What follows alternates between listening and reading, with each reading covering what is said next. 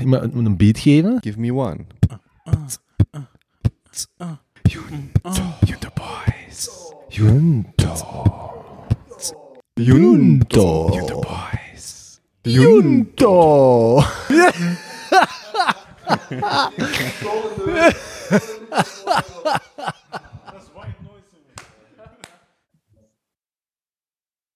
Hey, Benny! Ja, de boys. Ah, dat is lang geleden. Dat is even geleden, hè? Allee, ja, vooral u dat ik u nog eens in 3D heb gezien, dat is lang geleden. Ja, dat is waar. En het zal nog langer zijn. Ik kan niet naar de live show komen. Ja, ik heb het gezien. Ik heb een, eh, ik heb een solo talk te pakken op NFT Berlin. 20 minuten op het podium. Dat is wel lekker, toch? Niet? 20 minuten is wel lang. Het enige beter dan 2D is ze steunen 3D. Ja, dat is 100% waar. Mijn, mijn stress is eigenlijk dat jij in Portugal bent.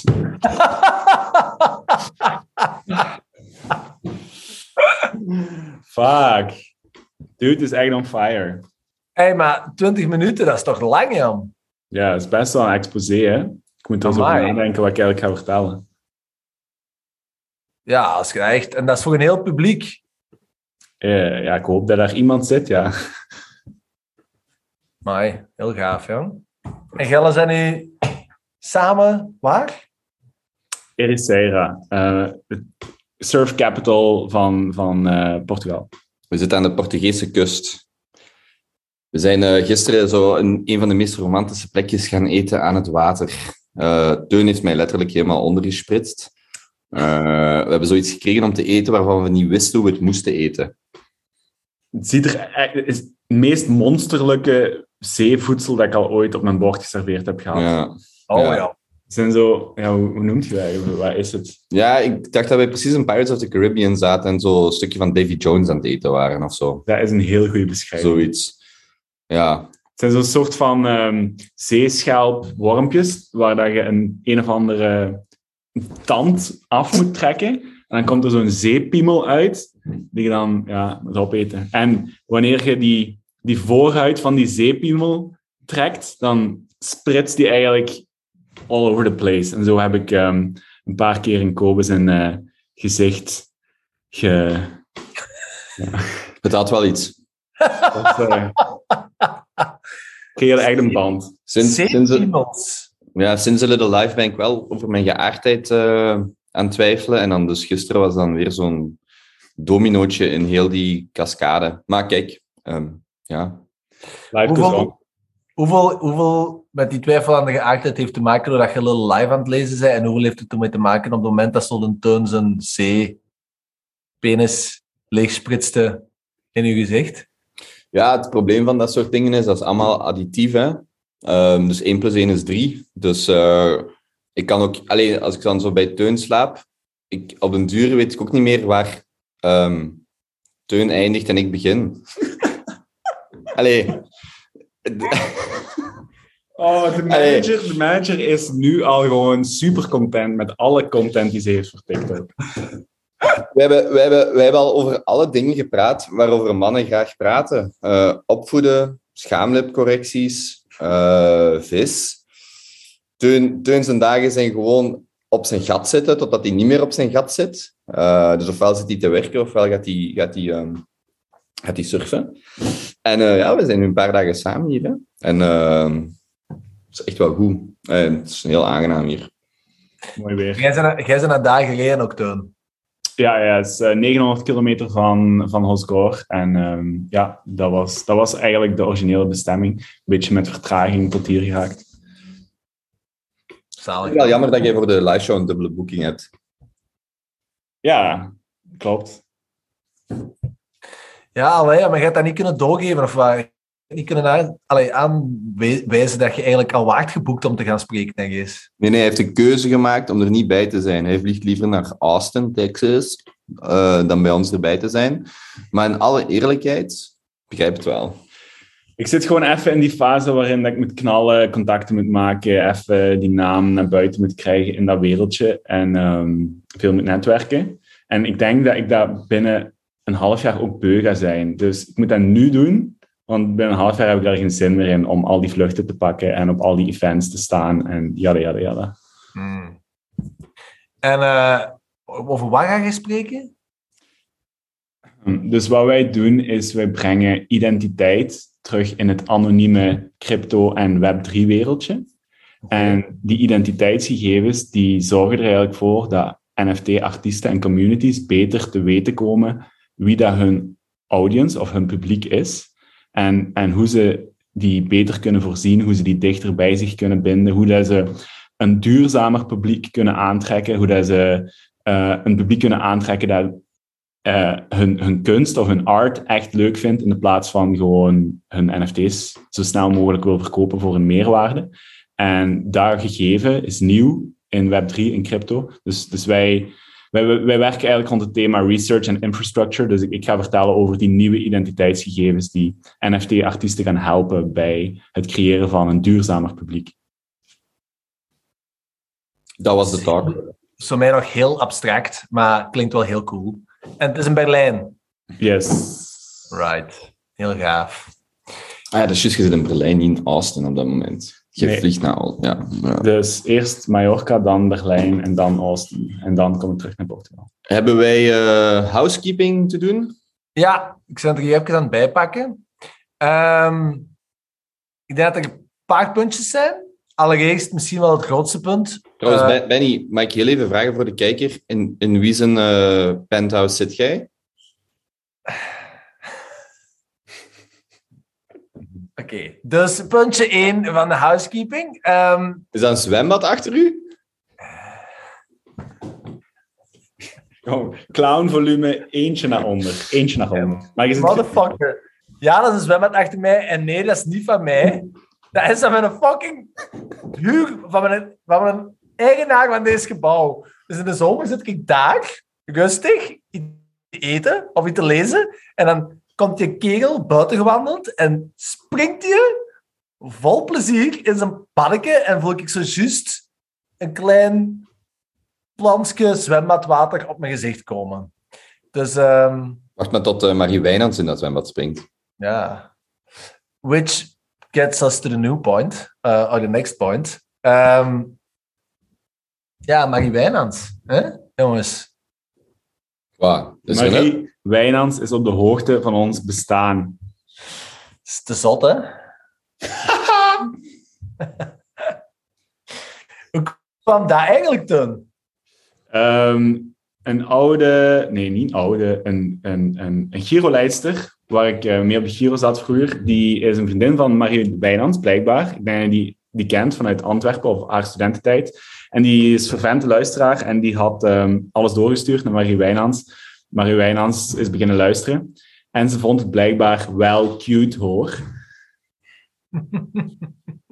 Dus dat screenshot kregen we doorgestuurd. eh dat Marie Wijnands onze, onze zever wel cute vond. Eh, en dan heeft Benny dat vanaf dat moment dan ook ingekaderd en dat hangt nu boven zijn bed. Ja, nee, ik vond het vooral mooi dat ze eindelijk ook toegaf dat ze onrealistische verwachtingspatronen aan het creëren is in deze al zeer zieke maatschappij op dat vlak. Dus misschien hebben we haar toch een beetje kunnen laten inzien dat ze haar gewoontes Oh, licht mag aanpassen om een iets gezonder verwachtingspatroon te gaan creëren voor alle haar, wat is het, 15.000 volgers. Nee? Klinkt echt als een boer. Ja, jij gaat zo'n goede boomer worden. Dat is echt ongezien. Jij jij klinkt al 50 op je 32ste. hey, ik zit echt... Ik zit daar, daar, daar is heel ding mee ontstaan, hè. Dat is gewoon niet realistisch, heel dat patroon dat die creëert. En We, Ja. maar we, willen, we willen ook niet in haar naam babbelen. Hè? We zouden ze eigenlijk Nee, heel graag eens uitnodigen als een van de eerste eh, gasten op de, op de Junto-podcast. de Junto Boys podcast, eigenlijk als eerste Ja. vrouwelijke Junto Oh, Boys. Bestie Gestie. Bestie guestie, ja. Als, als, eh, als, als ze die, eh, die uitnodiging zou aannemen, zou dat ons, eh, ja, dat we zouden dat zeer ten prijs stellen. Dat zou wel oprecht zalig zijn als we die gewoon even een uur of anderhalf kunnen interviewen, een dialoog eigenlijk aangaan met wat, of ze er bewust bij stilstaan en hoe dat, dat eigenlijk ook is gekomen. Eigenlijk misschien gewoon het het, het korte levensverhaal van Magie. Oké, maar als, als wij haar eh, aan een spervuur gaan onderwerpen, dan mag zij dat ook wel bij ons doen. Anders vind ik het een ongelijke strijd. 100%. Maar we gaan er Ja, niet aan... die al vijf afleveringen op rij afzeiken is geen ongelijke strijd. Afzeiken, afzeiken. Benny verklaart... De, de, in de, de intro verklaart hij de liefde en de Ja. outro verklaart hij de... Maar ik vind dat wel een goed idee. Maar ik trouwens ook heel even ertussen zwerpen als we het over zo maatschappelijke thema's hebben. Ik heb hier... ehm, ik zit ook op de limiet van mijn wit privilege. Ik hoe rood dat ik ben. Als ik twee minuten in de zon zit, ben ik echt verbrand. Ik heb zelfs mijn bandje, heeft een witte band aan mijn pols. Zo verbrand ben ik hier. Dus Je om zit even- aan de grens van je wit privilege. Tuurlijk, twee minuten in de zon, ik ben verbrand. Dat gezegd, ehm, kunnen we ze wel uitnodigen. Oké, dus Maria, als je deze hoort, altijd welkom om eens een babbeltje aan te gaan. We zijn zeer benieuwd om je beter te leren kennen en om te horen naar waar je drijft en, eh, en eh, ja, hoe dat jij kijkt naar het gezonde verwachtingspatroon dat je creëert. Maria, als je, Ma- Maria, als je dit hoort, sorry voor Benjamin. We proberen ons best te doen, maar je kunt... kunt- Alright, boys. Goed, goed, goed. Genoeg over Marieke. Ehm belangrijker werk. We hebben ondertussen al 625 euro uitgeleend via de eh Yundo Boys Kiva groep. Ehm, dus we hebben ook bericht gekregen. Winnie uit Kenia. Die heeft meer kiekjes kunnen kopen door onze lening. En die kiekjes die leggen eieren. En die eitjes heeft Winnie kunnen verkopen. Ehm, en daarmee ehm, creëert Winnie economische eh, vooruitgang. En gaat zij haar kindjes beter kunnen naar school sturen enzovoort. Dus, yay! Joepie Yes, voor yes, yes. Ehm, Oké, ik zie nu ook een puntje tussen staan van de manager. Er zijn blijkbaar Belgische Podcast Awards. Oh nee. In welke, in welke categorie vallen wij? ja, ik heb geen idee. Ik ga nooit op een podium een awards ontvangen met jullie. Hè. Dat is echt... Ah, wat, met ons? Wat, wat, wat wil dat nu zeggen? Alleen op een eigen of wat? Nee, ook niet. Gaan toch Wat- niet... Dat geloof ik dus echt. Ik- Dat, dat wil ik echt... Nooit. Wedden? Wedden? wedden? Oh, hier wil ik echt een weddenschap op zetten. Zeg maar. Ja, kom, let's go. Dus als jij wordt genomineerd voor een Belgische Podcast Award binnen zoveel jaar, als je eindelijk nog eens terug op een geregeld schema podcast begint te maken, ehm, en jij wordt ge- genomineerd voor de beste interviewer of weet ik veel wat, en jij wint dat, jij zou niet in die zaal zitten en jij zou dat niet gaan halen. Ik, ik zal zelfs die... Meer zeggen, ik zou die organisatie sturen en vragen om mijn eh, nominatie in te trekken. Bullshit. Bullshit. Wedden? Oké, hoeveel? Zeg maar. 1000 euro voor een Kiva-pot. En op hoeveel jaar? Vijf jaar. Gewoon, ah nee, als je zegt dat nooit gebeurt, so long as you make podcasts en dat er geworden voor worden uitgereikt. Ja, maar we moeten beperkende tijd. Anders is dat...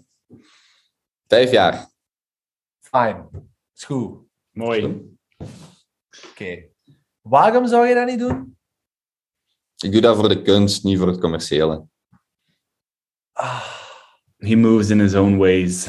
Ja. Ik vind, dat ergst, ik vind dat oprecht het ergste wat je kunt doen met mensen die iets vanuit een passie doen, is dat commercialiseren en die awards geven en dan doen alsof dat de ene beter is dan de andere. Dat is mijn fundamenteel standpunt. Dus ik zal nooit daar een award voor aannemen. Dus als iemand onze podcast indient voor de podcast, voor de Belgian Podcast Award en wij winnen iets, dan kom je die niet mee afhalen bij ons. Dat is heel moeilijk, want ik zou dat vanuit vriendschap graag met jullie doen, maar vanuit principe zou ik... Ik, zou dat, ik zal het zo zeggen, voor de Kobe Show zou ik dat nooit doen. Nooit. Met jullie zou ik dat vanuit de vriendschap voor jullie doen, maar niet voor de award.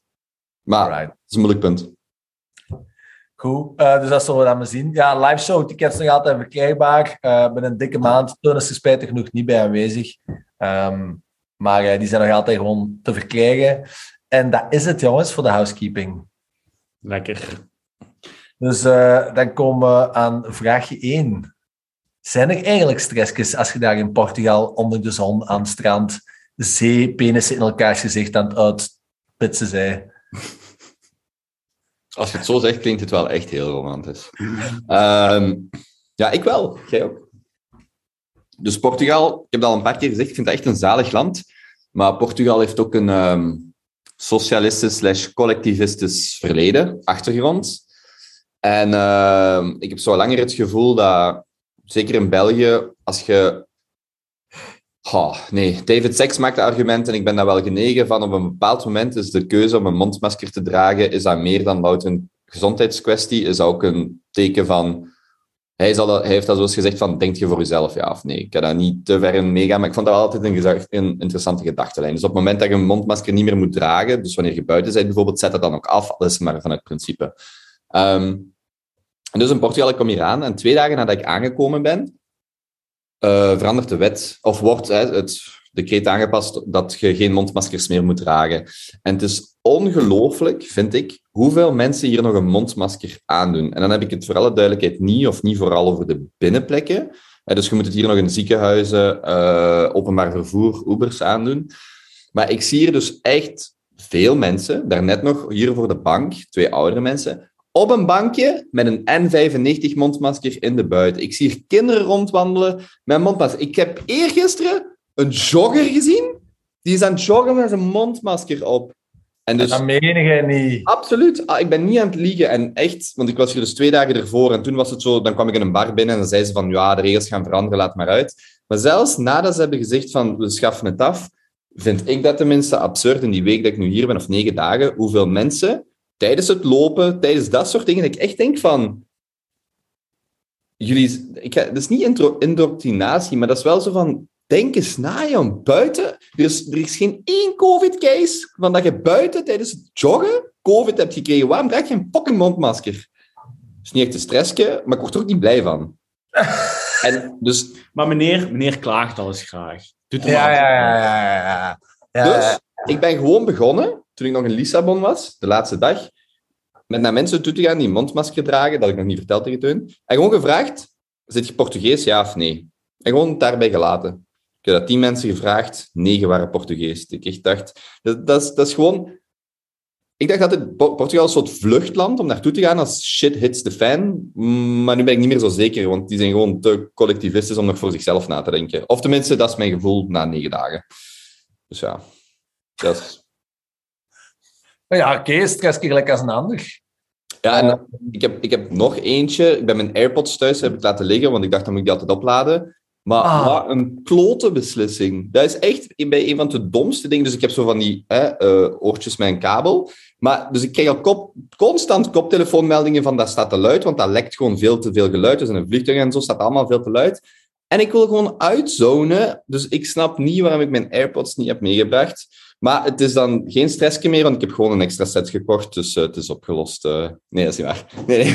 dat is niet waar. Maar ehm, ik ga dat morgen wel doen. Maar eh, nee, jong. Maar wat een gemis. En dus de, mijn appreciatie voor mijn AirPods. De, ik heb die tweede generatie, AirPods Pro, want er zijn er ondertussen nog nieuwe. Ik vind dat echt een topproduct. Ehm behalve dat ze soms wel uitvallen ehm, tijdens de seks. Maar ehm, Oh god.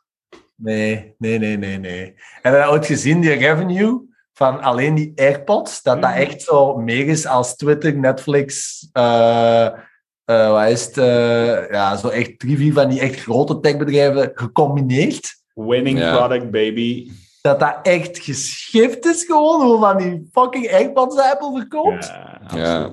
Ik vind dat echt relatief duur toen ik ze aankocht, maar ondertussen ook zo die noise cancelling functie en zo. Ik vind dat echt wel zijn geld waard. En wat ook wel, als je zo kijkt naar AR, VR, waar Apple mee bezig is, allee, dat is een speculatie, is dat hoe meer toestellen je hebt, gelijk een Apple Watch, AirPods en iPhone, is dat je je computatie off- offloadt naar die toestellen. En dus dat die qua AR, vooral dan denk ik, eh, VR minder, maar AR heel veel computatie gaan kunnen doen, waar anderen gewoon niet hebben, omdat dat ecosysteem er is. En vandaar is dat wel heel vet. En bijvoorbeeld zo, dat stomme dingen, like die stereo-functionaliteit en zo. Het Ik vind dat wel allemaal vet. Ik gebruik dat heel weinig. Maar ik merk hier hoe cool ik eigenlijk die Apple AirPods vind. Ik heb echt spijt dat ik ze niet bij heb. Ja. Je kunt het bijzonder, hè? Dat is echt maf. Ja, Ja. de eerste keer, ik, ik heb eh, een half jaar geleden de eerste, wat was dat, Samsung pots gekocht. Ik ben die dan na twee maanden kwijtgeraakt. En dan ook besloten van, ja, ik ben niet de persoon die zoiets bij kan houden. Maar het, het gevoel dat je krijgt als je zo een, zo een draadloze oortjes in je, in, je, in je oren hebt zitten, is wel zo van, I'm a cyborg now. Dat is zo de, de, eerste, de eerste versie van digitaal je lichaam een beetje hacken. Want plots kun je gewoon 24-7 podcasts luisteren en, en, en rondlopen en je zit alsnog vrij. Dat, dat was wel iets wat ik meekreeg. En je hebt ook zo die functie om mensen af te luisteren. Hè? Heb je dat ooit gebruikt, Benny? Wat?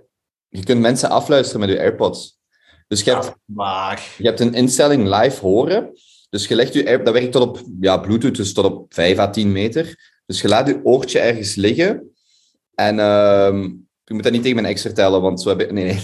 Maar dus je laat je oortje ergens liggen. En dan kun je live meeluisteren. Wat dan werkt als microfoon. Dus de, microfoon wordt dan geactiveerd. En je kunt meeluisteren wat er tot op 10 meter gezegd wordt. Och, Jan. Google dat maar eens. eh, live hearing, eh, AirPod, ehm, ja, afluisteren. Dus, Amai, waarom zouden ze dat doen? Dat is toch echt vragen om rechtszaken? ja, nee, het is niet omdat je een mes maakt dat je daarom voor de rechter wordt gedaagd. hè. Het is wat mensen ermee doen. Hè. In mijn Zwaar, geval, ja, educatieve dingen. Maar ehm dat kun je dus Ah, ook ken deze? Dat is ook zo... Wie, laten ze dat was aan het kloten aan het maken. Ken, eh, ken je dat? Ja. zo, die Air, tag AirTag. Ja. wordt er tegenwoordig Dat ook- niet gebruikt om in iemand zijn handtas te steken.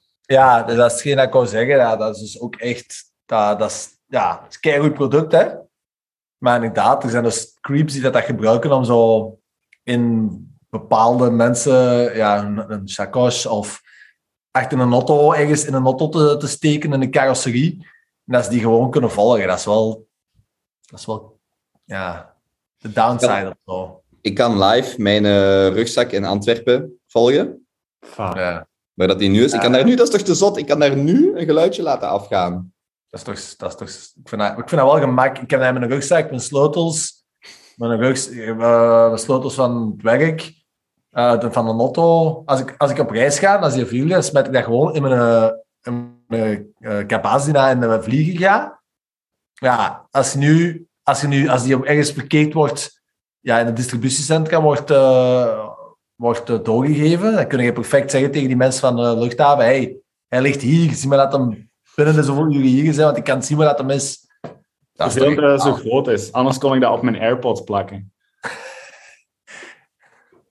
Ja, het is nog juist te groot voor in uw, voor in uw eh, portefeuille. Ja, ja. Ja.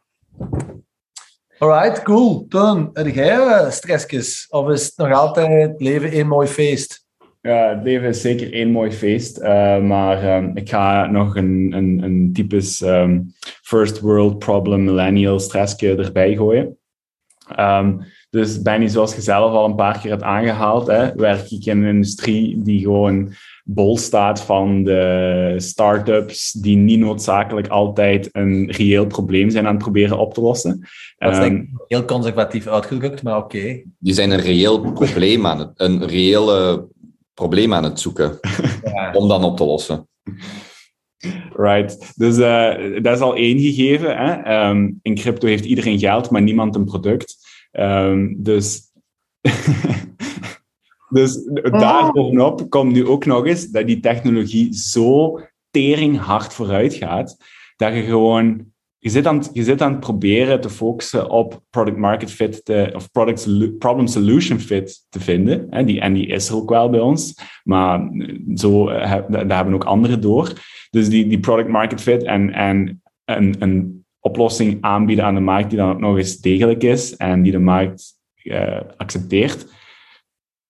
Dat gaat gewoon zo snel. En, en alle nieuwe technologieën die er opduiken en die aan een grotvaart aan ons voorbij gaan of ons voorbij steken, is echt bijna om te huilen. Er zijn momenten dat wij ons afvragen van wat wij nu zijn aan het bouwen, is obsolet, is, is gewoon niet meer van toepassing op het moment dat wij het uitbrengen omdat er al zero knowledge proof technologie of, of belachelijk magische wiskunde eh, en cryptografie uitkomt, die dan de, het probleem dat wij proberen oplossen op een veel betere manier oplost. Dus dat is een... Oh, dan, oh nee, wat moet ik dan doen? Want ja, oh nee, je hebt nog maar, je hebt nog maar geld voor misschien 12 jaar veilig te kloten. Ja, Oh nee. Oh. Eigenlijk is dat het omgekeerde van uw wereld, hè, Benny? Uw wereld Ah, is super traag. En je, hebt, en je hebt geld voor zes maanden. Zijn wereld gaat super snel en die heeft geld voor twaalf jaar. Echt, dat is echt dat is heel mooi samengevat. En vooral, pas op, ik zeg niet, want ik was straks naar Michael Saylor aan het luisteren bij, eh, bij, bij, eh, bij Lex.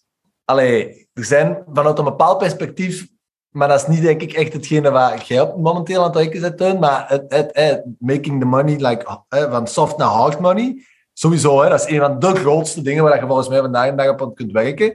En dat valt ook onder de crypto, eh, eh, onder de crypto-categorie.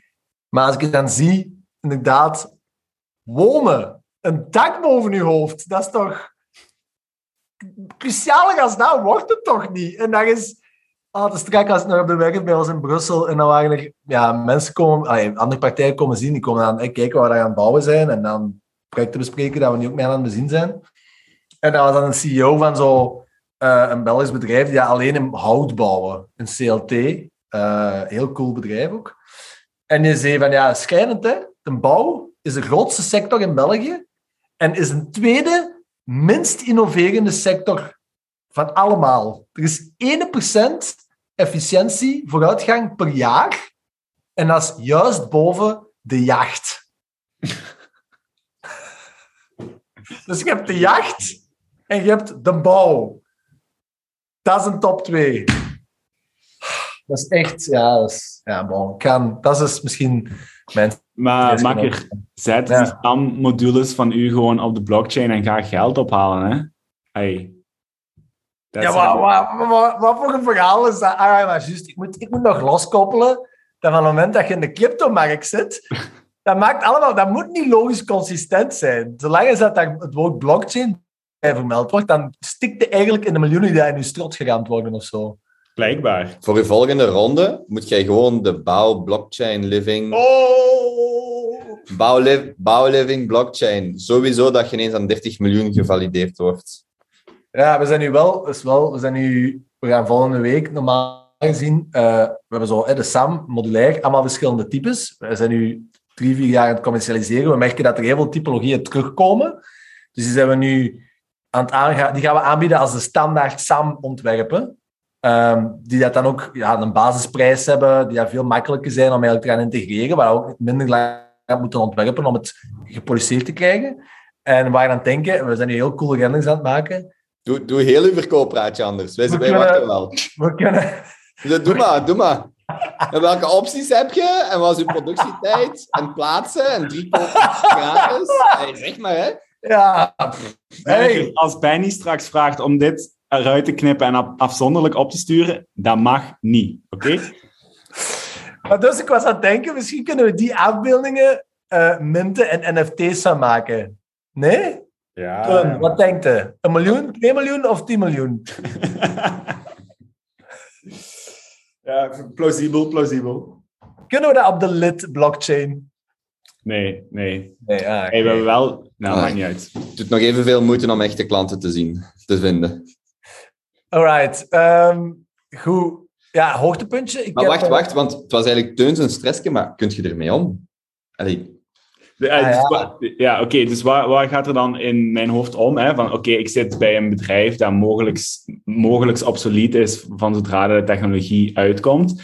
Eh, dus dan, dan verandert heel uw motivatie, right? Dus waarvoor werkt je dan? Werkt je dan gewoon om een job te hebben? Werkt je dan gewoon om je uren te kloppen? Of om gewoon bij te leren en zoveel mogelijk nieuwe mensen te leren kennen en, en, en, en de technologie te leren kennen? Dus, en je merkt dat die switch aan de gang is bij meerdere mensen in, in een bedrijf. Of, of ik denk dat het misschien een algemene trend is in, in iedereen die in, op zo'n innovatief, in zo'n innovatieve industrie werkt en gewoon constant snellere, snellere competitors aan zich voorbij ziet gaan. het verschil is dat hij wordt betaald om dan een vraag te stellen, en de ander krijgt gewoon een schop onder zijn gat en die zegt, denk daar maar vanavond tijdens het eten onder, over, over na.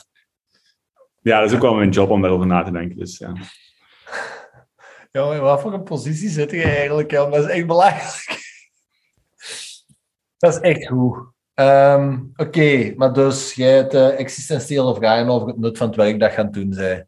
Nu, weet je wat? Iedereen heeft dat wel eens. Hè? Ik bedoel, als je lang genoeg en ver genoeg uitzoomt, is alles wat we doen, zelfs voor de Voice van Vlaanderen, eigenlijk compleet nutteloos. Hè? Absoluut irrelevant. Allee, binnen, binnen genoeg tijd ontploft de zon en is ook het Kobe Show archief gewoon teruggebracht naar atomen. Hè? Iedere keer als ik iets wil knippen uit de podcast, dan zei jij tegen mij, Teun, hou je bakens. Binnen 40 jaar is iedereen u er vergeten. Dus ehm Echt, echt. dat valt het samen. Ja. Maar dat is toch het... Dat is Hey, toch het- Benny. Ja. Hoe ver, hoe ver gaat dat principe van eh, over 40 jaar is toch iedereen alles vergeten? Nee, nee, nee. Want ik heb nog wel een opname. Van wat is dat? Van ons, eh, van ons half uurtje. Van onze pre- pre-recording. Ja, oké, kom, het is goed. Doe het maar weg. Tim. Oké, kom. Eh, hier heeft de luisteraar niks Oh, aan. Let's go. Ehm, Oké, maar ik wou nog iets zeggen, hè. Eh, ik ben het vergeten. Ja, het ging over, over uw vragen stellen. Over de futiliteit van Teun zijn job. Ja, ja. was nog... Bon, maakt niet uit, we gaan gewoon door. Ehm, ja, misschien ehm, om iets minder existentieel aan toe te gaan.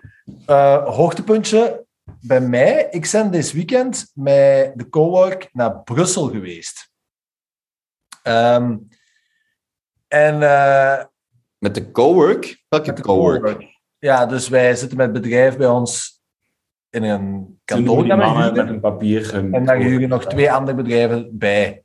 Dus onder andere- onder andere Redo Papers, die daar hè, van papieroverschot die bloknotes maken en agenda's. En een grafisch bureau. Dus we zijn met z'n negenen naar Brussel gegaan op weekend.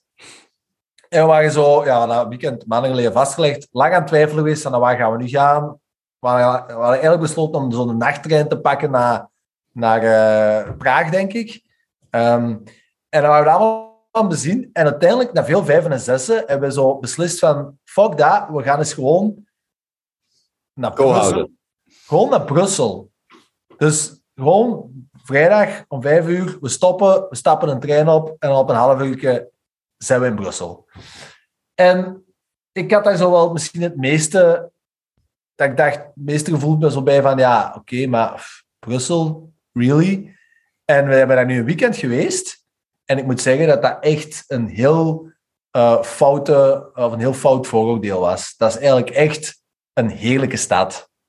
Dus hoe lang heb je als strand rondgelopen totdat ze u overtuigd hebben dat Brussel een heerlijke stad was? Oh, nee, nee, nee. nee. Ik was. Ik, ik- nee, nee. Ik dacht... Ik was misschien aan het denken, maar ik heb het zeker niet eh, laten merken. Right. Maar ehm, ja, nee, dat is eigenlijk echt, dat is echt cool, hè. Dat is de tweede meest internationale stad ter wereld. Naast Du- na Dubai, dus Dubai 1, en dan Brussel, tweede meest nationaliteiten. En dan merk je wel als je daar rondloopt. Ehm, dat, is echt, eh, dat is echt wel... Je hebt echt het gevoel dat je ja, een beetje in het buitenland zit. En dat is echt nog weer een categorie of twee, drie groter als Antwerpen. En ehm, ja, echt heel gaaf. We zijn zaterdag zijn jullie daar eens geweest, naar de Serres van Laken. Dat is geschift, ja. Dat is echt maf. Allee, ik was daar in 2019 al eens geweest.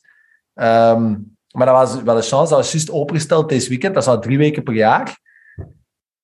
Jongen, jongen, jongen. Dat, dat is, echt, dat is wel echt een aanrader. Hè? Als je ooit de kans hebt, moet je dat echt doen. Dat is wel ook zeker degoutant als je ziet van wat voor een fortuin dat daar is ingepompt. En hoe groot dat dat is. En dat dat alleen, alleen voor de flip zijn madame en zijn vier kleine mannen is.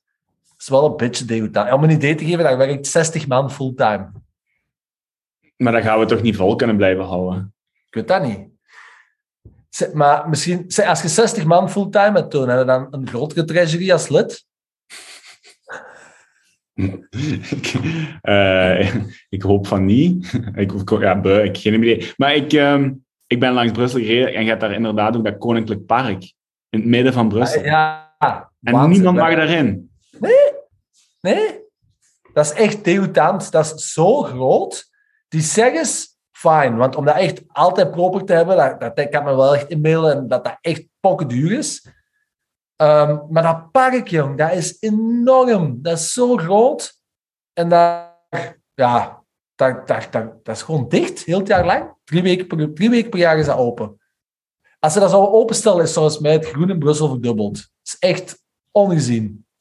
Is vanaf deze week ook niet dat hyacintenpark of bos in Bru- Brussel ook terug in bloei, met zo al die mooie hyacinten? Dat is echt zo'n zalig park. Ik ben er ook eens geweest. Dat is ook in Brussel, denk ik. Ah ja, dat ken ik niet. Mogelijk, ja, dat kan. Ja.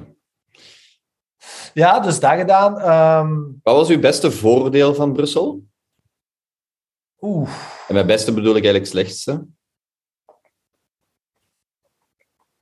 Dacht je dat je, dat je ehm, bestolen ging worden of zo? Nee. Maar ja, ik weet niet. Ik had zo een beetje het idee dat dat qua architectuur en qua openbare planning en zo, dat dat, dat, echt was gemismanaged. En dat is ook voor een deel, want in de jaren 60, 70 is dat echt ja, volledig chaotisch gebouwd geweest. Zijn er hele mooie historische panden afgebroken en zo.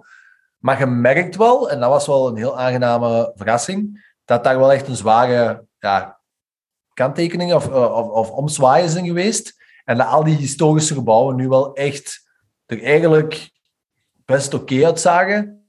Ehm, en dat er echt een paar ja, prachtige dingen staan in die stad. Echt waanzin eigenlijk. En supergoed gegeten. Echt één, Mm. één brunchbar en één Aziatisch restaurant. Waar echt, dat Aziatisch restaurant vooral, dat was ongelooflijk. Ik zal het mee in de show notes zetten. 25 euro. Kon 18 man zitten. En een uitbater was een Italiaanse filmregisseur. Slash kok. Eh, en hij met zijn maat. En dan een garçon met blauw haar. En die kwamen voor 25 euro, waren gereserveerd met negen man. En we kwamen naar binnen. En die garçon die komt aan tafel staan en die zegt...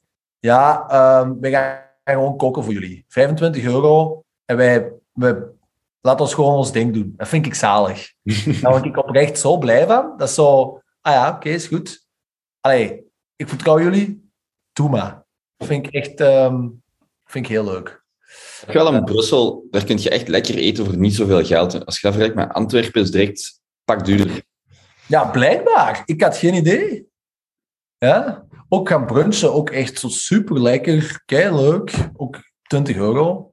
Echt, ehm, ja, voilà. Tot zover mijn liefdesbetoog voor Brussel. Nice. Allee, nu kun je er weer vijf jaar wegblijven en dan over zes jaar nog eens zeggen hoe het goed daar is. Ja, exact. Ja, dat, dat is zotsen, hè. Dat is op een half uur. Op een half uur gezet, hè. In daar- eender welk ander land zijn Antwerpen en Brussel gewoon twee uiteindes van dezelfde stad. Als je in Londen of Parijs of wherever zit. En bij ons is dat zo een half uur met de trein. En nee, daar gaan we niet naartoe, dat is te ver. Maar ik was voor het eerst in mijn leven vorige maand in de botaniek. Hoe fijn is dat? Dat is een half uur rijden. Je staat daar een beetje gaan feesten. Dat was... En dan zo, hoe komt dat ik hier nooit ben geweest? Maar ik denk wel Ja. zo, Limburgers en West-Vlamingen, die komen, West-Vlamingen komen sowieso daar al minder. Maar ik vond dat echt heel tof. Ja, is echt... ehm, ja, zeer aangenaam verrast. Oh, jongens. Zullen we dan doorgaan naar vraag 2? Yes, yes, yes. Alright. Ah, ben, ik heb eigenlijk nog wel een vraag voor u. Oké. Allee, met uw achtergrond als archi- ar- architect, ehm, heb jij eigenlijk comments of inzichten over heel het Oosterweel-dossier? En dat kan heel kort zijn, maar heb je daar iets, want dat is nu, voor, ik denk dat we zelfs over Elon Musk gaan praten, maar ik wil nog snel zo vragen, heb je, weet jij iets van Oosterweel? Hoe, wat, waar, waarom, wie, wanneer? Ja, nee, weet ik daar heel veel van? Nee, zeker. Ik heb ik ben eigenlijk zeker niet ingelezen met een vernoot. Ehm die is daar wel heel erg in geïnteresseerd. Ik heb het deze weekend een beetje met me over gehad. En dan heb ik vrijdag ook eh, de afspraak geluisterd met Bart de Wever, die er ook even over ging. Ja, wat is daar aan de hand? Ehm in hoeverre dat ik het begrijp, die uh, fosfor dat daar in de grond zit van 3M, dat is gewoon niet uitgeklaagd geweest. Of dat, is, dat was wel uitgeklaagd, maar dan zijn de burgers naar de rechtbank gegaan omdat ze er toch bij het gevoel hadden dat dat niet veilig genoeg of niet ja, concreet genoeg werd gemaakt van hoe dat ze dat gingen oplossen. En dan, is dat voor die recht, dan is, heeft eigenlijk een rechter het standpunt ingenomen dat, dat die burgers daar gelijk mee hadden. En heeft hij eigenlijk aangegeven van ja, Gelle moet met een oplossing komen of tegen de zomer moeten de werken stoppen. Hm. En daar is nu, merk ik wel, de allee, dan ook als ik naar de vrijdag luisterde, wel heel veel eh, kritiek op. Eh, op twee punten eigenlijk. Enerzijds dat dat, dat nu zo'n precedent is dat eigenlijk rechters heel veel ehm, vrijheden beginnen te nemen. Eigenlijk quasi zo wat meer een, een, een wetcreërende functie beginnen te gaan ehm, in te vullen. In de plaats van een, eh, ja, de wet naleven eigenlijk. Hè. Dat, dat, dat is eigenlijk die hun mandaat. Nou, die controleren. uitspraak- ja, en die uitspraken dat die nu beginnen te doen, de vrijheid dat die beginnen te nemen, begint meer een, een andere invulling te krijgen. En ook, ja, en daar moet ik persoonlijk Bart de Wever wel wat in bijtreden, van ja, dat is een project, daar is ondertussen denk ik meer dan twee decennia op gewerkt om dat te kunnen starten. Nu zijn we ermee bezig. En dat is ook tegelijkertijd de mooiste kans dat er is om die vervuiling op linkeroever te gaan oplossen. Want we wisten al decennia dat dat daar lag. Ehm, en, en er is geen enkele incentive voor niemand niet om dat daar en masse te gaan liggen kuisen. Tenzij dat je zo'n project hebt, zoals de Oosterweelverbeelding, dat daar dan door moet. Dus dat ging sowieso meegenomen worden. Hmm. Ehm, en dat ze dat dan nu zo weer een vraag beginnen te stellen en het op zijn Belgisch een beetje ja, opnieuw gaan beginnen bekritiseren en, en, en bijna wel zelfs willen ja, de, de, in, in, in, eh, in vraag gaan stellen. Ja, ik, ik ben daar ook niet persoonlijk de grootste bijstaander van. Ja, ik hoorde vandaag de podcast van vandaag, van de Standaard, met, ik denk Bert Bultink of weet hij doet, en, ehm, of Bart. En die zei ook van, ja, het probleem is, er, dus, er zijn vragen dan bij de sanering van die grond, maar nu wordt het gewoon stilgelegd en nu ligt daar een berm. Hè, dus één, de grond dat er is, is blijft ook gewoon vervuild. En, hè, dus, dus de grond die niet, waar niks mee gedaan is, die zou ook gewoon vervuild blijven. En dan de grond dat daar nu ligt, ja, er is gewoon geen capaciteit wereldwijd om die, het, 1,3 miljoen kuub eh, grond of wat om dat te gaan saneren. Dus om dat daar gewoon nu te laten liggen, is ook zoiets. Dus dat was ook zo, ja, wat gaat, wat gaat daarmee gebeuren? Gewoon spannend om... En ik heb die Luc Hellemans van Nantes op de, op de podcast gehad, dus misschien zoals in de zomer of daarna is allemaal zo wat is gesetteld, zo terug eens over praten. Maar gelijk nu, wat ze nu verder gaan doen, zo totaal geen idee. Ehm, maar dat weet niemand dus blijkbaar.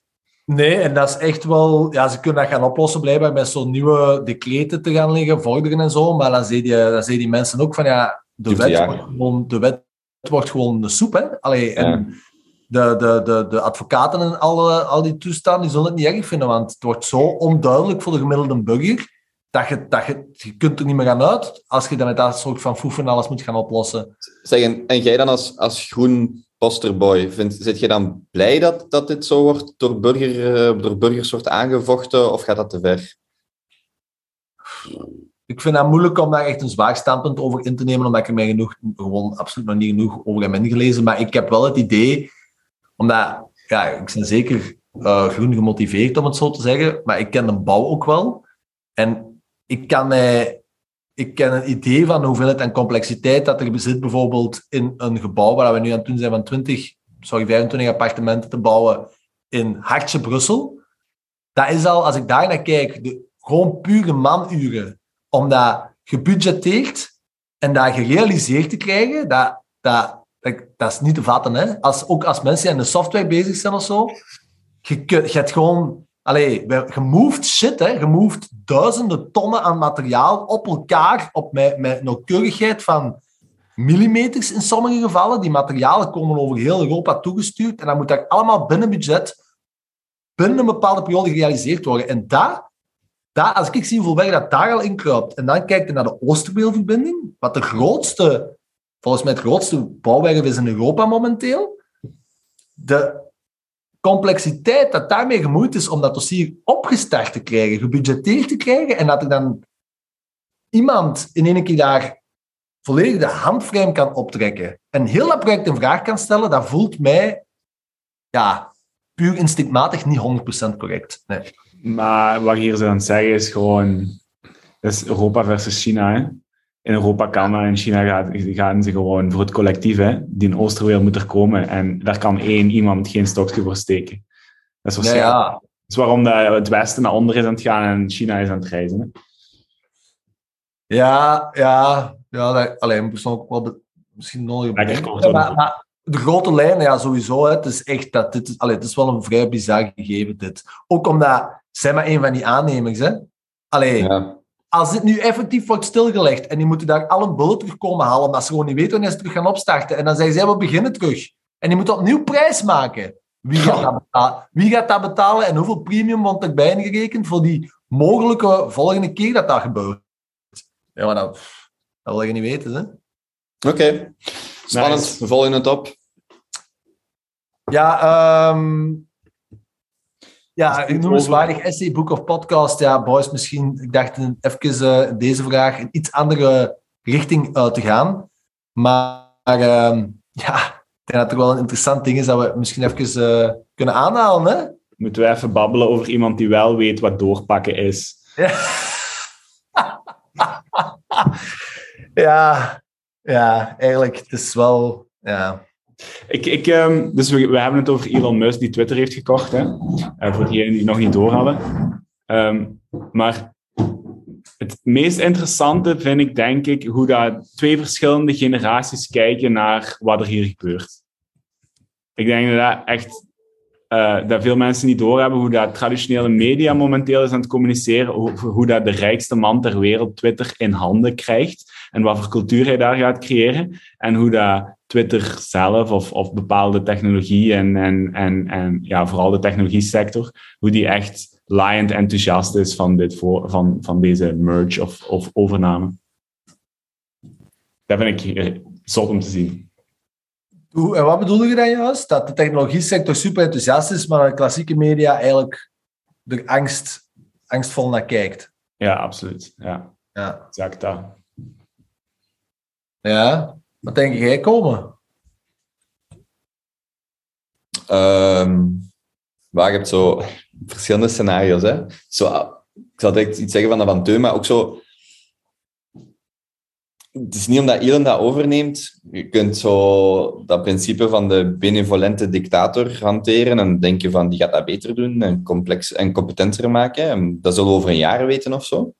Denk dat dat te vroeg is om dat te zeggen. Ik denk wel dat veel mensen optimistisch zijn, maar zo het idee dat één iemand dan zo'n platform in handen heeft, is op zich, ik zie heel veel euforie, omdat het gewoon beter wordt dan ervoor, maar het is niet omdat je...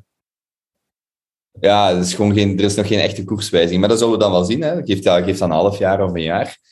Maar inderdaad, wat Teun ook wel zegt, is zo... Ze hebben heel lang gelachen met Elon zelf en andere mensen van hè, als, je, als het u niet bevalt op Twitter, bouw je eigen alternatief. En dat zo de meme worden nu. Nu heeft Twitter dat gekocht en nu zie je dus bij heel veel mensen die heel boos zijn, journalisten van de Washington Post en ook in Vlaamse media, dat je zo, nu hetzelfde argument in hun gezicht gedrukt wordt, hè, van als je het niet goed vindt, bouw je eigen Twitter. Hè, en dat die nu zoiets hebben, ja, maar nee, nee, nee, nee, er is maar één Twitter, er is maar één platform, je moet dat wel, dat mag niet zomaar in de handen komen van een miljardair. Dus maar wacht, een half jaar geleden zei je nog dat je, iedereen vrij is om zijn eigen Twitter te bouwen, dus kun je nu toch ook gaan doen.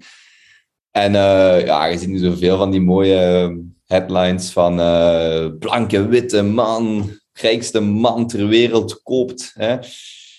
Dus ik denk dat dat gewoon, allee, om op zijn punt verder te gaan, ik denk dat je echt wel zo een verschil ziet tussen... Um, het, het interessant is om te zien hoe dat verschillende mensen daar naar kijken. En ik denk, ja, ik ben daar sowieso optimistisch over, maar we zien wel. Hè. Uh, ik vraag me ook heel hard af wat Jack Dorsey zijn rol in heel die saga is geweest. Uh, ja, ja oh ja, dat geschreven heeft. Oh my. Maar er zijn, er zijn nog dingen het is niet omdat Elon Musk dat heeft dat de NSA of andere agencies nog steeds gigantische druk kunnen uitoefenen op hè, privacygevoelige data en dergelijke.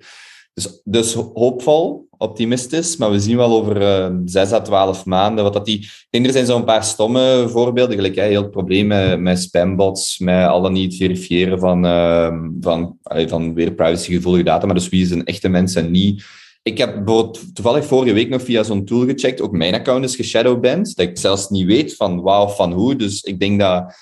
Dus dat zijn een aantal dingen aan de oppervlakte die ze snel kunnen veranderen. Dan hoop ik heel snel dat er uh, onderzoek komt naar wat Twitter eigenlijk de laatste tien jaar heeft uitgestoken. Ik denk dat daar nog een echte bom zit aan informatie.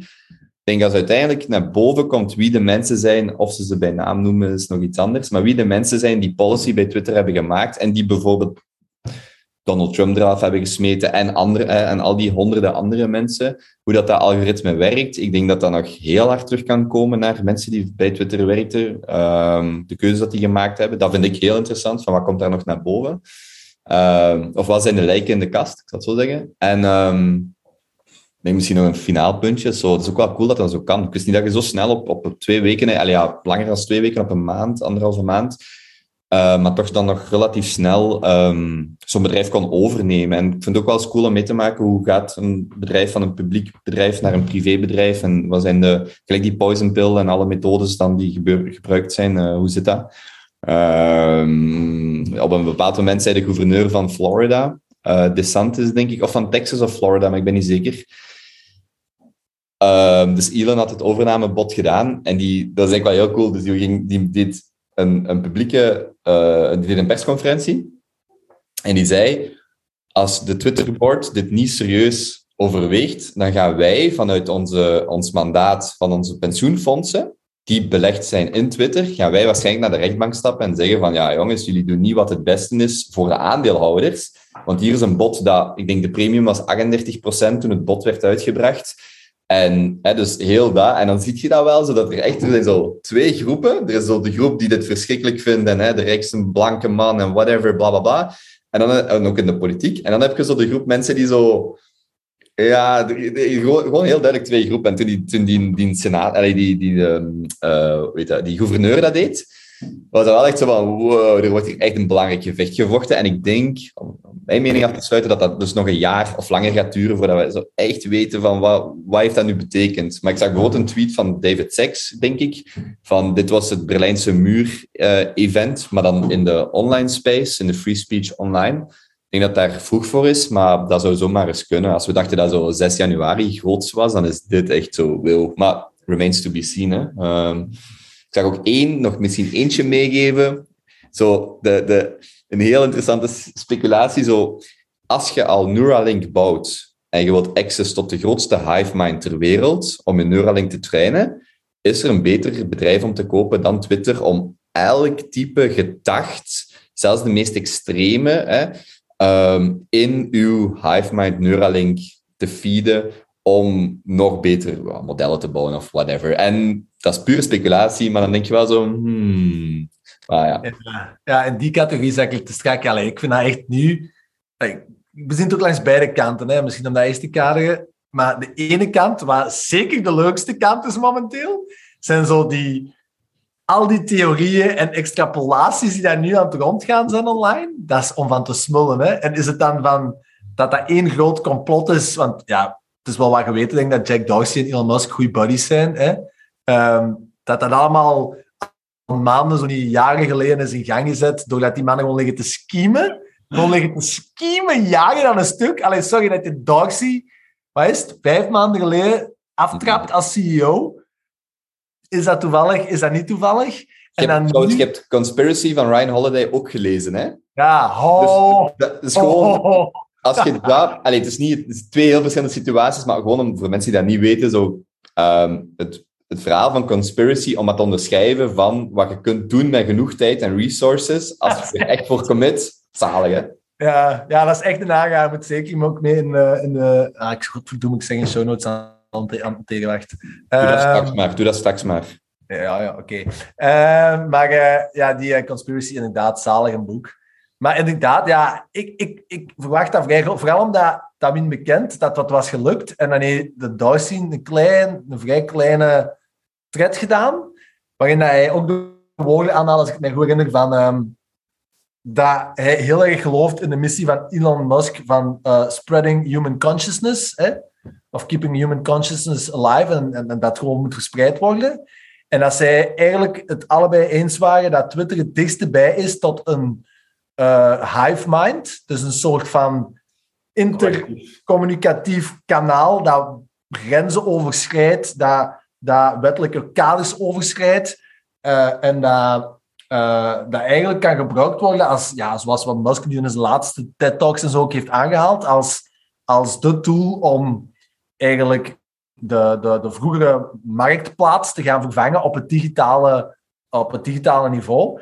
En als je dan, oké, als je dat dan weet, en dat, is, dat is daar allebei in geloven, en dan denkt, oké, qua timing, want dat bekend twee weken voordat hij moet gaan spreken op TED, wat zowel wat het grootste intellectuele platform is per jaar, dat hij eind vorig jaar, het, 12 miljard aan Tesla-stok heeft verkocht, dat hem dan nu kan geven naar de bank om twee, drie keer leveragen voor dit te kopen. En dat dat dan ook juist, en dat vind ik de gaafste, dat dat dan ook juist op punt is dat eh,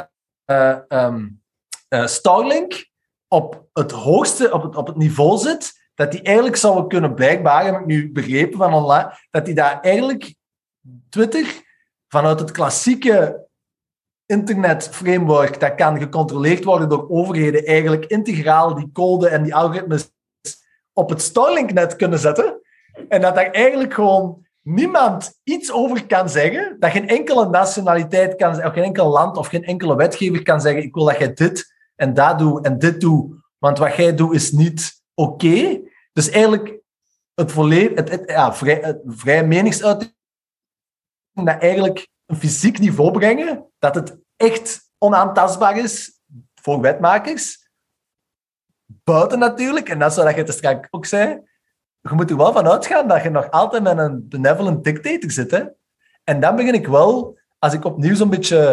Ik heb hier een paar dingen genoteerd. Als je nu begon begint te zien, en ja, iedereen die dat al een tijd volgt, denk ik dat ook wel weet, dat ik eh, best vrij, veel eh, respect heb voor wat, die Musk hier eh, aan het doen is.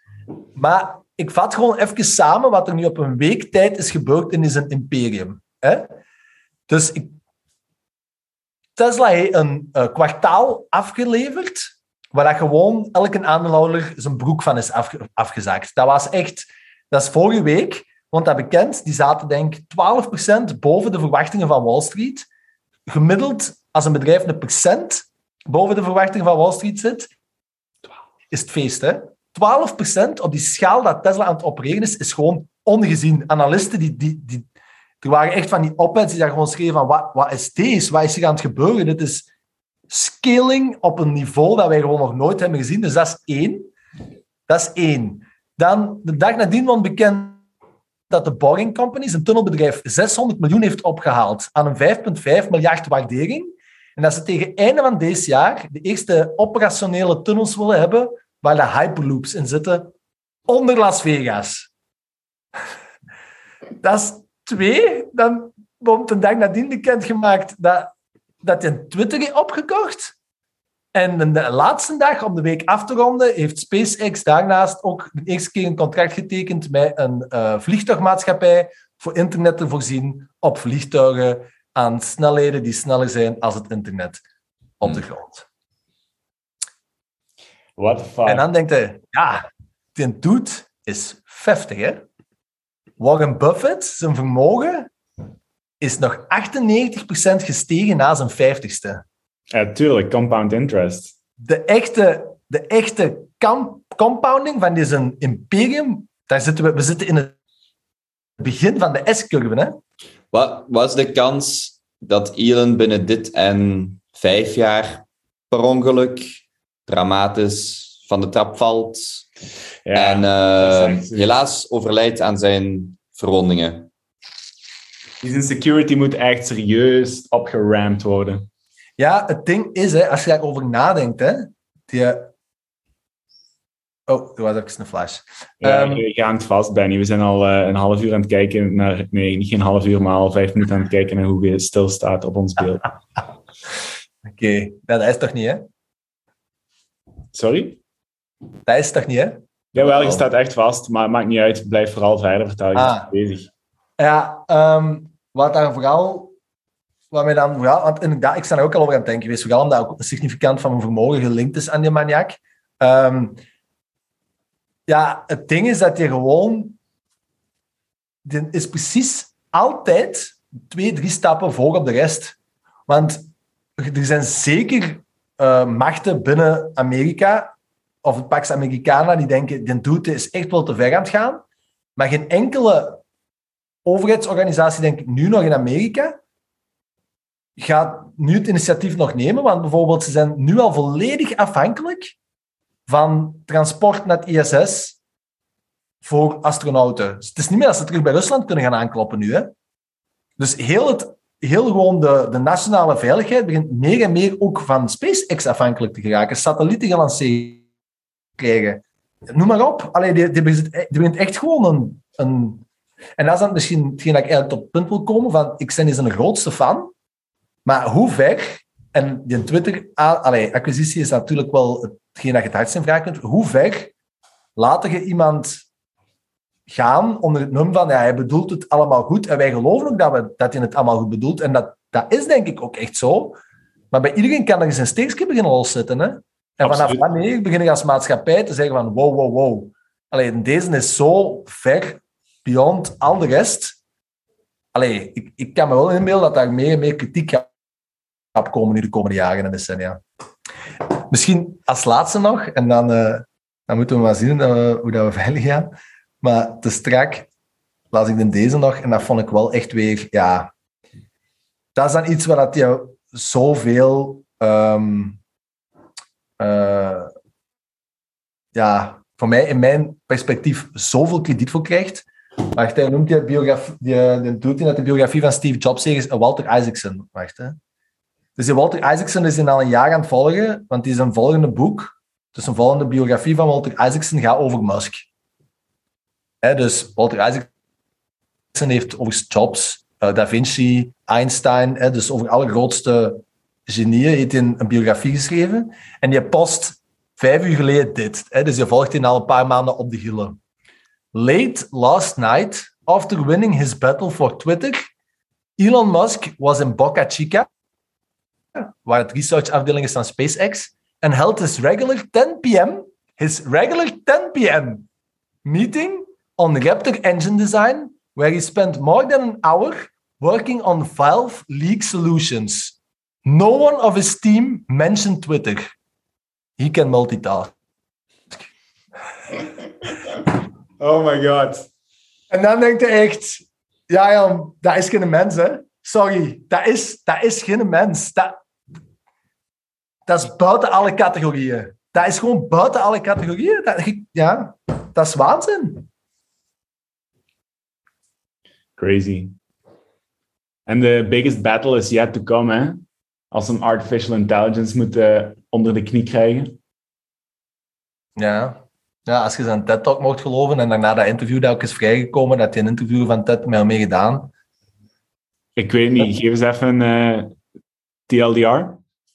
Ja, hij is al jaren aan het zeggen van dat dit jaar het jaar is dat uh, self-driving opgelost wordt. En dat is ook het grootste kritiek dat ze in dat interview naar hem naar voren hebben gehaald. En dan kan je ook echt heel ballig zeggen van, ja, kijk, sommige technologie, ehm, pro- progressie is moeilijker in te schatten als andere. Eh, self-driving is er zo eentje gebleken. Ehm, dus daar ben ik af. Sommige zaken zijn beter in te schatten. Hij zei, en hij maakt het voorbeeld van, ik heb in 2000, of de interview zei dat in 2016 en ik heb voorspeld dat je in 2022 de kaap van 1 miljoen geproduceerde Tesla's per jaar zou gaan halen. En hij had exact aange... Dat is exact voorlopig gelijk als dat je zes jaar geleden had voorspeld. Hoe komt het dat je dit niet kunt voorspellen? En hij legt dat dan heel mooi uit hoe dat de onverwachte aspecten van die specifieke te- technologie heel moeilijk in te schatten waren. Ehm, maar dat hem wel kan zeggen dat alles wat hem ooit heeft voorspeld wel is uitgekomen. Dus dat je dat al kunt zeggen is ook gewoon fucking ballig. En dat het nu al relatief zeker is dat het dit jaar opgelost is. Dus dat tegen het einde van deze jaar... En voor hem is opgelost dat als je self-driving opzet, dat het met een factor 2, denk ik, veiliger is, gemiddeld gezien, als dat je gewoon handmatig zou rijden. Want ja, perfect is niks, hè. Na 100% veiligheid, dat is natuurlijk geen realistische verwachting. Maar dus dat zij uit hun, wat is het, een vloot van x aantal miljoenen wagens nu kunnen laten zien, day na day, van kijk, de mensen die dat self-driving hebben opstaan, zijn gemiddeld gezien dubbel zo veilig als degenen die dat niet doen. En dat zou dit jaar zijn. Ja. Ja, heel cool. Wat, ehm, hoe, hoe groot schat je de kans in dat Musk eh, deze vrijdag op de All-In zijn ding komt doen? Je komt naar de summit. Ja, tuurlijk. Maar zouden ze hem niet eh, even bestie guestie uitnodigen? Ik weet het niet. Ik heb ze al wel gemerkt en doet hij zo wel een, eh, een cyclus, een mediacyclus. En Ja. ik heb een beetje het idee dat hem de laatste week zo wel wat zijn quota heeft bereikt of zo. Oké. Maar het opvallendste vond ik, als ik juist die tweet, al te strak als ik hier binnenkwam, die tweet las van Walter Isaacson. Allee, de bedrijfscultuur dat jij moet hebben gecreëerd in een organisatie, zeker de grote als SpaceX, dat jij komt binnengewandeld, één al. Dat jij, één al, dat jij regular wekelijkse meetings hebt om tien uur s'avonds. Één, dat zegt al immens veel.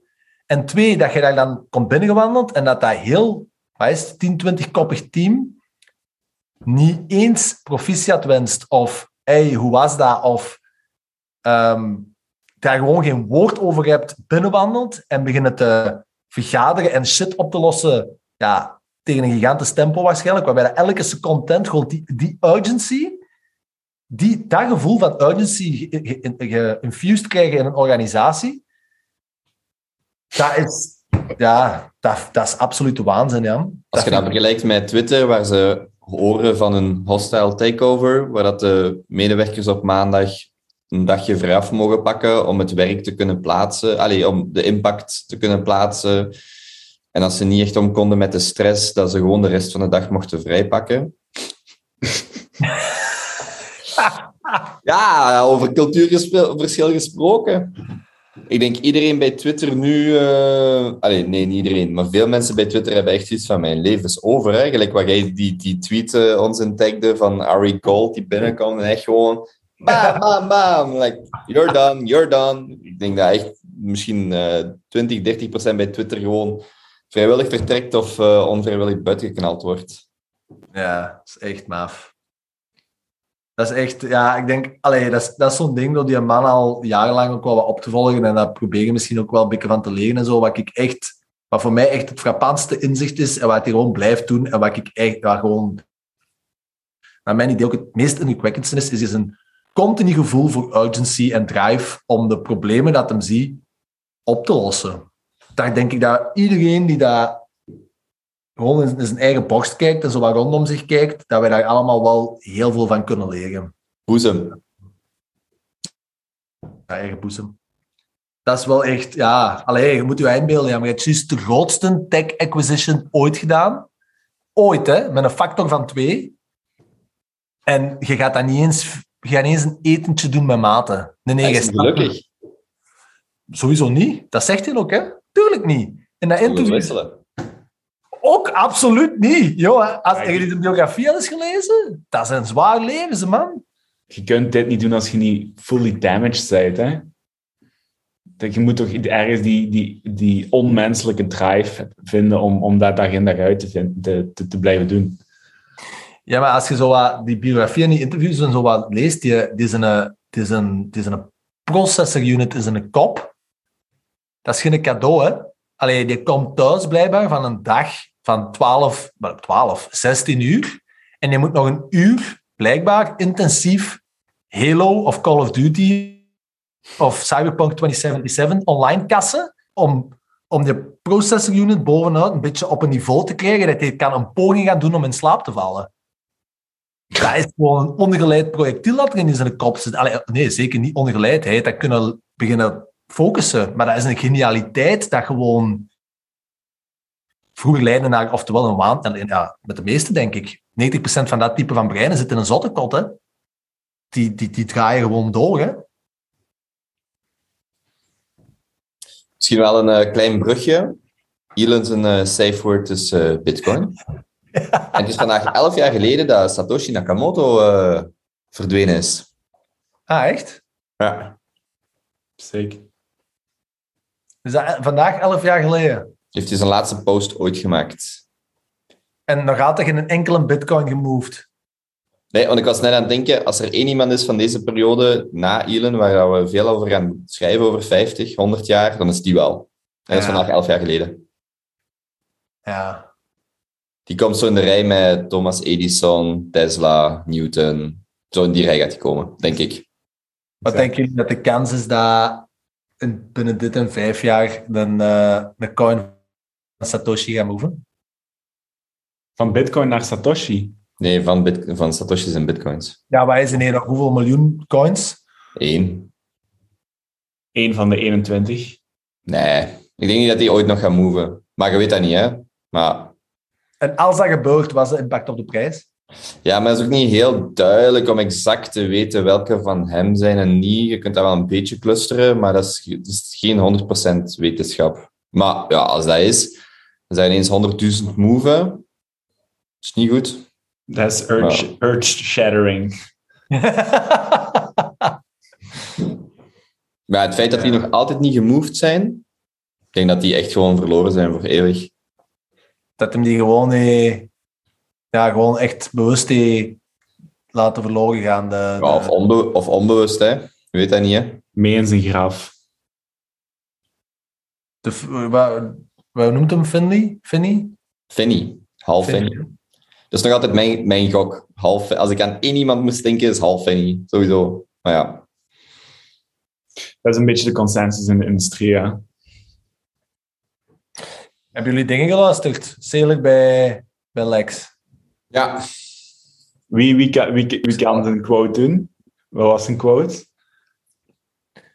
I wanna. The goal is to make one, make a block of one billion that you can move at the speed of light In cyberspace. in cyberspace.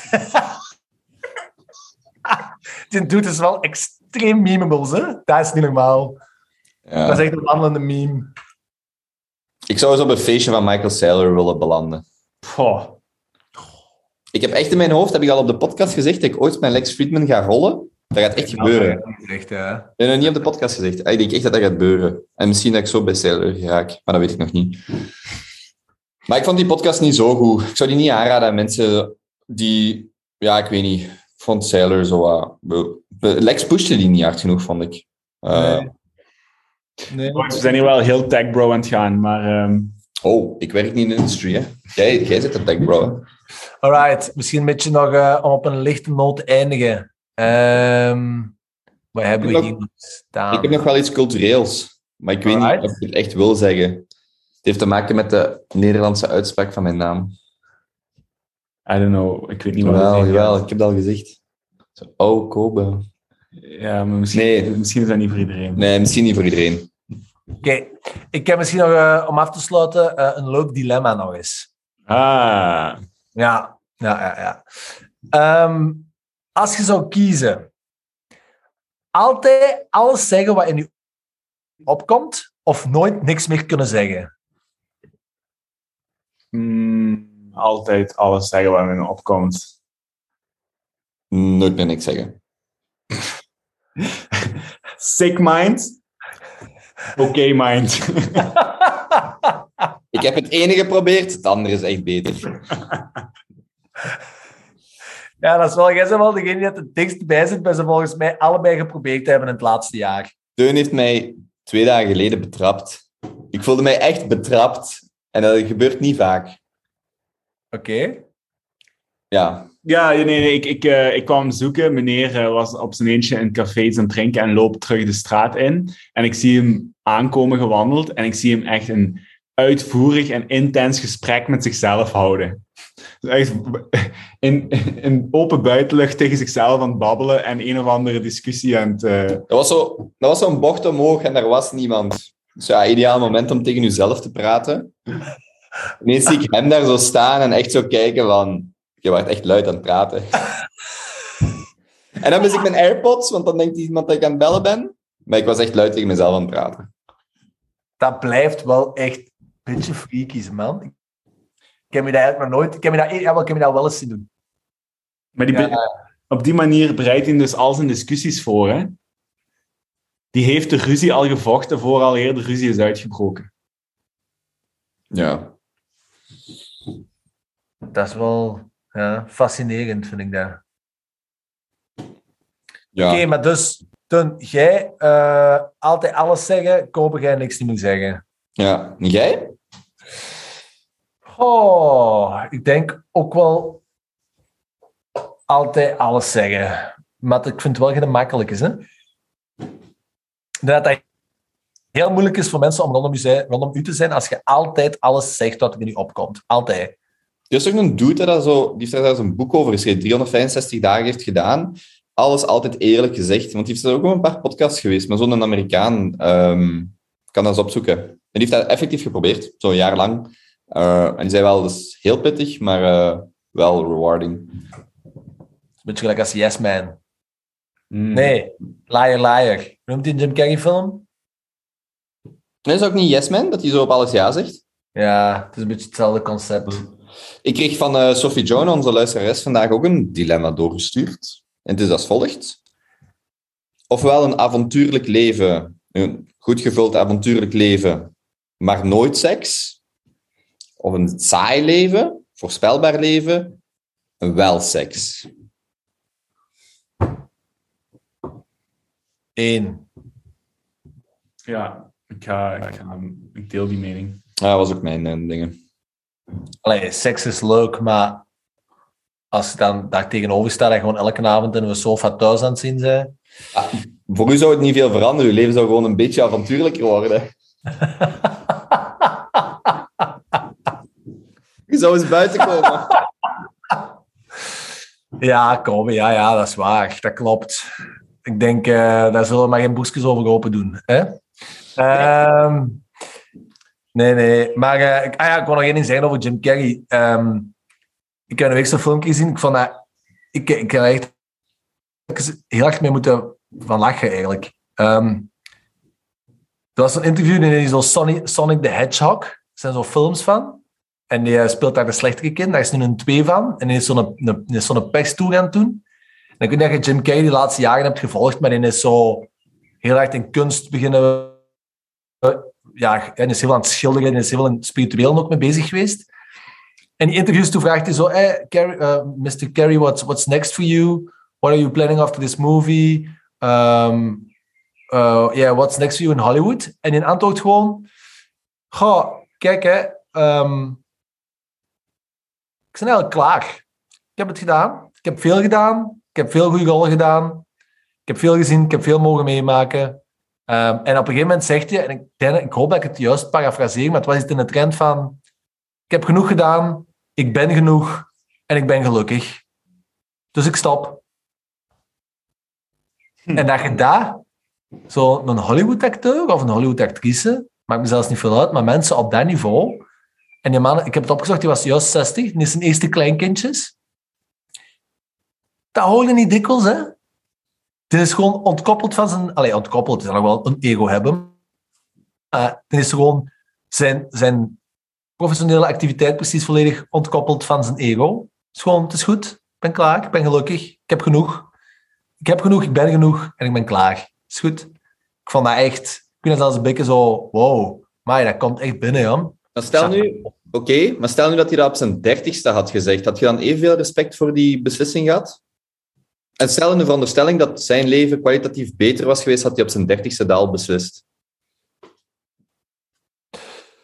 Goh, persoonlijk, ik niet.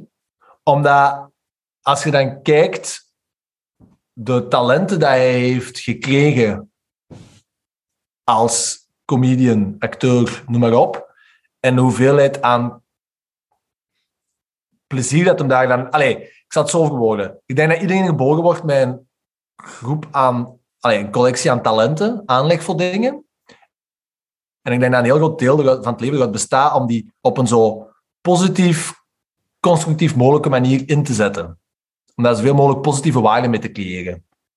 En ik vind nu, als we spreken over Jim Carrey en zijn talenten, ja, allee, ik snap het. Die heeft dat gedaan. Die is nooit echt zwaar van, of de grens, zwaar Ja, nooit echt zwaar van op de rug geweest. Allee, die heeft, die heeft het beste eruit gehaald en dat hij nu zegt, het is genoeg, heel gaaf. Als hij wat van Deksten had gedaan, had hij van mij minder respect gehad, ja. Ja, maar ik vraag het ook vooral omdat hij zelf keihard eronder geleden heeft met zijn eh, verslavingen en alles. Ik vraag mij dan af als iemand dat dan op jongere leeftijd zegt van ik heb, ik heb het gedaan, gelijk, meer gelijk Dingske ehm, van Gangs of New York, hoe heet hij weer, die acteur, die supergoeie. Ehm, Daniel Day-Lewis. ja, die heeft dat gewoon twintig jaar eerder gezegd, bij wijze, ik weet niet exact hoe oud dat hem was. Maar dan heb ik zo de, de indruk dat mensen denken, allee jong, uw talent. Maar als iemand zo vroeger kan aangeven van, nee jong, ik heb het gehad, het is goed geweest. Precies als iemand ouder is, wordt dat zo meer geaccepteerd. Maar iemand die zo jonger kan aangeven van, nee, het is goed geweest, ik ga eraan ondergaan of zo. Maar zelfs ook atleten en zo, hè, ondernemers. Dat daar zo precies zo anders, die, dat, die, dat daar wordt meer maatschappelijke druk op, daar wordt meer druk op gelegd van, allee. Ehm, ja, vanuit het persoonlijk standpunt, hè. Zo Ja, zou het ja. voor Jim Carrey niet beter geweest zijn, zou hij, had hij gewoon dit twintig jaar geleden gezegd. Zo, de- allee, dat, is dan altijd de, dat is een vraag die ik hem zou stellen.